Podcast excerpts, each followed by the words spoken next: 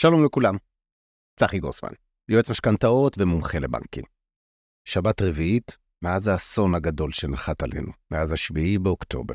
בשבועיים הראשונים, זה היה בכלל להבין מה קרה לנו פה.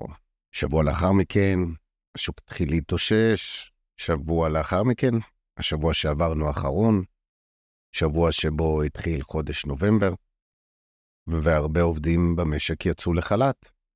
אנחנו נמצאים במצב של חוסר ודאות, אמנם הלחימה בצפון לא מתרחבת, יש לחימה רגלית ומטוסים בעזה, ואנחנו, העורף, נשארנו מאחור, חלקנו עובדים וחלקנו לא עובדים, חלקנו מתנדבים, עוזרים, מחפשים כל דרך איך אפשר לעזור, ויש עסקים שאין להם בכלל עבודה, אין בכלל צפי למה שיקרה.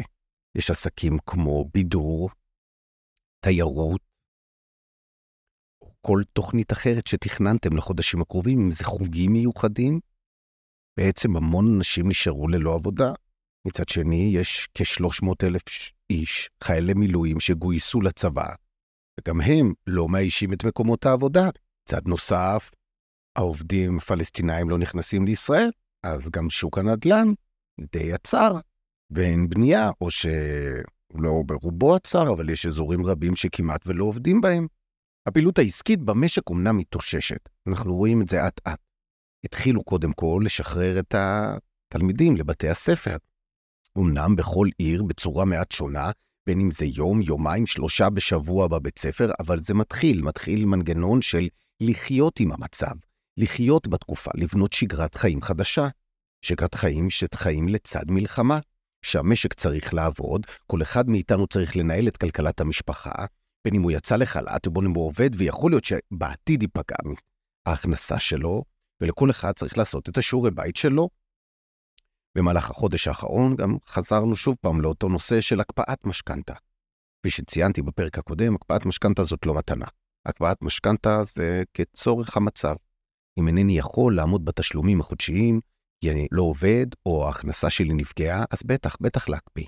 ואם מי שלא, אז צריכים לעשות מה שאפשר ולהשאיר את המשכנתה כמו שהיא. אם אי אפשר, כן, אז נצטרך ולהקפיא אותה. בפרק הזה אני רוצה לנסות ולנתח את הסודוקו הכי מורכב לדעתי שיש, וזהו שוק הנדל"ן בישראל. כדי לנצח את המצב, מה יקרה פה לאחר המלחמה לשוק הנדל"ן, בואו ננסה להבין את מאיפה הגענו, איפה אנו נמצאים עכשיו, ואיזה סכנות או וקטורים שונים משפיעים על השוק. נחזור לתקופת הקורונה. בתחילת הקורונה היה קיפאון מוחלט. בדיוק את אותו קיפאון כמו שקורה עכשיו בשוק הנדל"ן במלחמה, קרה בתחילת הקורונה. אנשים ישבו בבית, פחדו, ראו את סוף העולם הגיע, לא ידעו מה לעשות, וישבו בבית והתגוננו. אחרי מספר חודשים פתאום שוק הנדל"ן התחיל לבעור, ורצו במשך שנתיים עליות מחירים של כ-20%. לאחר התקופה הזאת, השוק קצת נרגע, והחלו עליות ריבית. עליות הריבית במשק הלכו לאורך שנה וחצי, שהובילו את הריבית מ-0.1 ל-4.75. זו קפיצה משמעותית מאוד, שגרבה להרבה נוטלי משכנתאות להיחנק. ההחזרים החודשיים עלו להם, משום שיש להם מסלולי פריים. ברובם, רוב השנים האחרונות, רובנו לקחנו מסלולי פריים במשכנתה, זה אומר שאם הריבית עלתה, גם ההחזרים החודשיים. דבר נוסף, זה גרם לכל מי שרוצה לקחת משכנתה לגלות שההחזרים הרבה יותר גבוהים ממה שהוא חשב, ופתאום השוק התחיל להתקרר. בשנה האחרונה, השוק ירד כ-7% באופן רשמי, ואני מכיר עסקאות גם שירדו ביותר. אבל הגענו לקיץ, פתאום התחילה איזושהי התעוררות. בחודש ספטמבר התחילה התעוררות בשוק הנדל"ן, אנשים חזרו לרצות, רצ... לרצות לקנות. ואז הגיעה המלחמה. וכאשר מגיעה מלחמה, אנחנו מחפשים להתעלות על תקווה. מצד אחד, אנחנו תולים את תקוותנו על שר האוצר, שייתן תוכנית כלכלית ויעזור לכל אחד מאיתנו, אבל מצד השני, אנחנו מסתכלים על הנגיד ואנחנו אומרים, קדימה, להוריד את הריבית, העלית, העלית, העלית, חנקת אותנו, יאללה, תשחרר. אבל הנגיד לא שחרר. בהחלט הוא לא שחרר, הוא השאיר את הריבית על המקום. למה הוא השאיר את הריבית? כי הוא חושש מהדולר. אבל למה אתה חושש מהדולר? אנחנו נחנקים, אזרחי ישראל נחנקים, מה קשור עכשיו דולר? תטפל עכשיו בבעיה. אז הנגיד רואה בכך שאם הדולר ימשיך ויטפס, ויקבל מגמה כזאת שיחליש מאוד את השקל, אנו נרגיש את זה בכיס, באינפלציה. דבר נוסף, יש כאלה שאומרים, אבל איזה אינפלציה? איזה אינפלציה עכשיו? אנשים לא סוחרים, אין קניות, המשק קפוא, איזה אינפלציה, מי יעז להעלות מחירים? נכון, אבל מה יקרה אחרי המלחמה? האם יהיה קפיצת מחירים? יש כאלה שחוזים שתהיה אינפלציה של 6, 7, 8 אחוזים. אינפלציה כזאת תהיה חייבת איזשהו כלי מסוים להילחם. ואם הנגיד יוריד מוקדם מדי את הריבית, זה יכול לפגוע בנו. ולכן, הוא לא הוריד את הריבית. אבל הוא ציין שהוא צופה בסוף הרבעון של 24 צפי להורדת ריבית. זה עוד רחוק. זאת אומרת, אתה לא עוזר לנו כרגע. מצד שני, לנגיד יש עוד קלף. הקלף השני שלו זה יתרות מטבע אדירות שהוא צבר. יש לנו כ-200 מיליארד דולר יתרות מטבע, הוא הבטיח להשתמש בכ-45 מיליארד, כדי להשתמש בלהוריד את השפעת הדולר השלילית עלינו, שהוא קפץ בצורה כל כך חזקה, ולנסות ולהוריד. דבר נוסף, כאשר מלחמה תיעצר, יש צפי שהדולר ירד. ולכן מהסיבות האלה, אנשים אומרים, אוקיי, רגע, אז הדולר לא יעלה, אז למה הנגיד בפאניקה? בוא תוריד את הריבית עוד קודם. אז דבר ראשון, לנגיד, יש את הכלי הזה ביד, והוא יכול להשתמש בו. מצד נוסף, אנו רואים שעובדים לא מגיעים לשוק הנדל"ן. בשוק הנדל"ן יש בעיה מאוד קשה. שוק הנדל"ן מורכב אצלנו כשליש ממנו מעובדים פלסטינאים. העובדים אינם מגיעים לישראל, שוק הנדל"ן לא עובד, כלומר לא מייצר, לא בונה. בקורונה, שוק הנדל"ן המשיך לעבוד, והצליח לייצר היצע. כרגע, שוק הנדל"ן תקוע, לא מייצר היצע. ולא רק כרגע, בואו נחשוב עוד כמה צעדים קדימה. תיגמר המלחמה. האם אתם חושבים שהעובדים הפלסטינאים ייכנסו לישראל בכזאת קלות? אותם עובדים? אותה כמות? אולי הקבלנים יצטרכו להביא חברות שמירה אשר ייקחו שכר מאוד גבוה, ואז הם יגרמו לעליית מחירי הנדל"ן. שכר העובדים יעלה, או שלא, יגידו עובדים פלסטינאים לא נכנסים, קדימה עובדים זרים. אם המטבע ייחלש, גם העובדים הזרים השכר שלהם יעלה. כלומר, גם זה טריקי. מי יבוא לבנות פה? איך, נ... איך נצמצם את הפער בין ההיצע לבין הביקוש? אנו יודעים שבישראל יש ביקוש לכ-60 אלף יחידות דיור לשנה, ואם לא מבצעים בנייה, אז זה וקטור שיכול לגרום לשוק הנדל"ן אחרי המלחמה לקפוץ חזק. אבל עכשיו, בואו נסתכל לפרטים הנכונים לתוך ההיצע שיש לנו היום בשוק. חלק גדול מההיצע, שבחודשים האחרונים נמכר, היה בדרום. באזור שדרות, בנתיבות, באשקלון. מה אתם חושבים שיקרה אחרי המלחמה? אנחנו, אם ננצח בצורה חדה וברורה, אנחנו מאמין שהאזרחים יחזרו לגור שם. ואם לא, ואם נחזור על בערך, ואם הרגש, האזרחים ירגישו לא בטוחים, ויצלחו לעצור את הלחימה, אז מה יקרה? יכול להיות שתהיה נהירה מהאזורים האלה לאזור המרכז. לקנות דיור במרכז? תחשבו, 5,000 משפחות מחליטות לעקור את ביתיהם מהדרום, לא רוצות, ורצים בחזרה למרכז. מה יקרה לשוק במרכז? מה יקרה למחירי הנדל"ן? ומצד שני, מה יקרה למחירים באזור שדרות, אשקלון, נתיבות? האם המחירים שם יקרסו? אף אחד לא ירצה לקנות? או ישראלים זה בסדר, ויגמר קצת הלחימה, וזה יתאזן? אני לא יודע. האם תחושת הביטחון שהממשלה, שהמדינה, שהצבא צריך לספק לנו, יספיק לכל אותם אנשים שצריכים לחזור לביתיהם? ועוד לא התחלנו לדבר על כל החברים מהצפון. הרי מדינת ישראל מנסה ככל הניתן להתחמק מלחימה נוספת. לא רוצים להיכנס בלבנון, אבל השאלה, האם התושבים יחזרו לגור בצפון? איך הם יקבלו את הביטחון לגור שם? ואם לא, לאן הם יעברו? כלומר, יכול להיות שוני רב בין אזור לאזור בישראל במחירי הנדל"ן. דבר נוסף, פתאום ממ"ד יכול להיות דבר אישיו בל יעבור. אני רוצה לספר לכם באופן אישי עליי, לי אחת הדירות הראשונות שהיו לי זה היה בראשון לציון בשכונת קריית גנים. ושכונת קריית גנים היא שכונה שנבנתה לפני מלחמת המפרץ, ולכן לא היה צורך בממ"דים.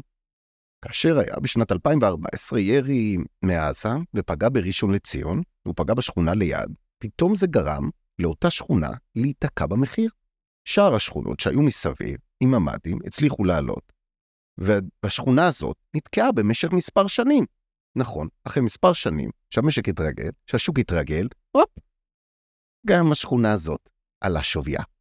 ולכן, אם אנחנו מסתכלים לטווח הקרוב, יכול להיות שונות באותו עיר בין בית עם ממ"ד לבלי ממ"ד, בין אזורים שונים בין הדרום לבין המרכז, שיכולים פתאום במקום ללכת להיצע בדרום, להישאר במרכז? לא, לא רוצים יותר לעבור לדרום.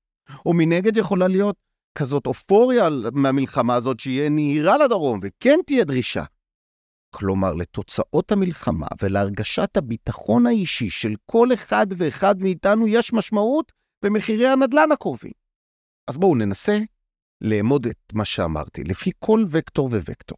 הוקטור הראשון, הריבית. לריבית יש שחקן מאוד משמעותי בעולם הנדל"ן. אם הריבית תרד בעוד מספר חודשים, בהחלט זה יכול להחזיר אוויר לשוק הנדל"ן בישראל.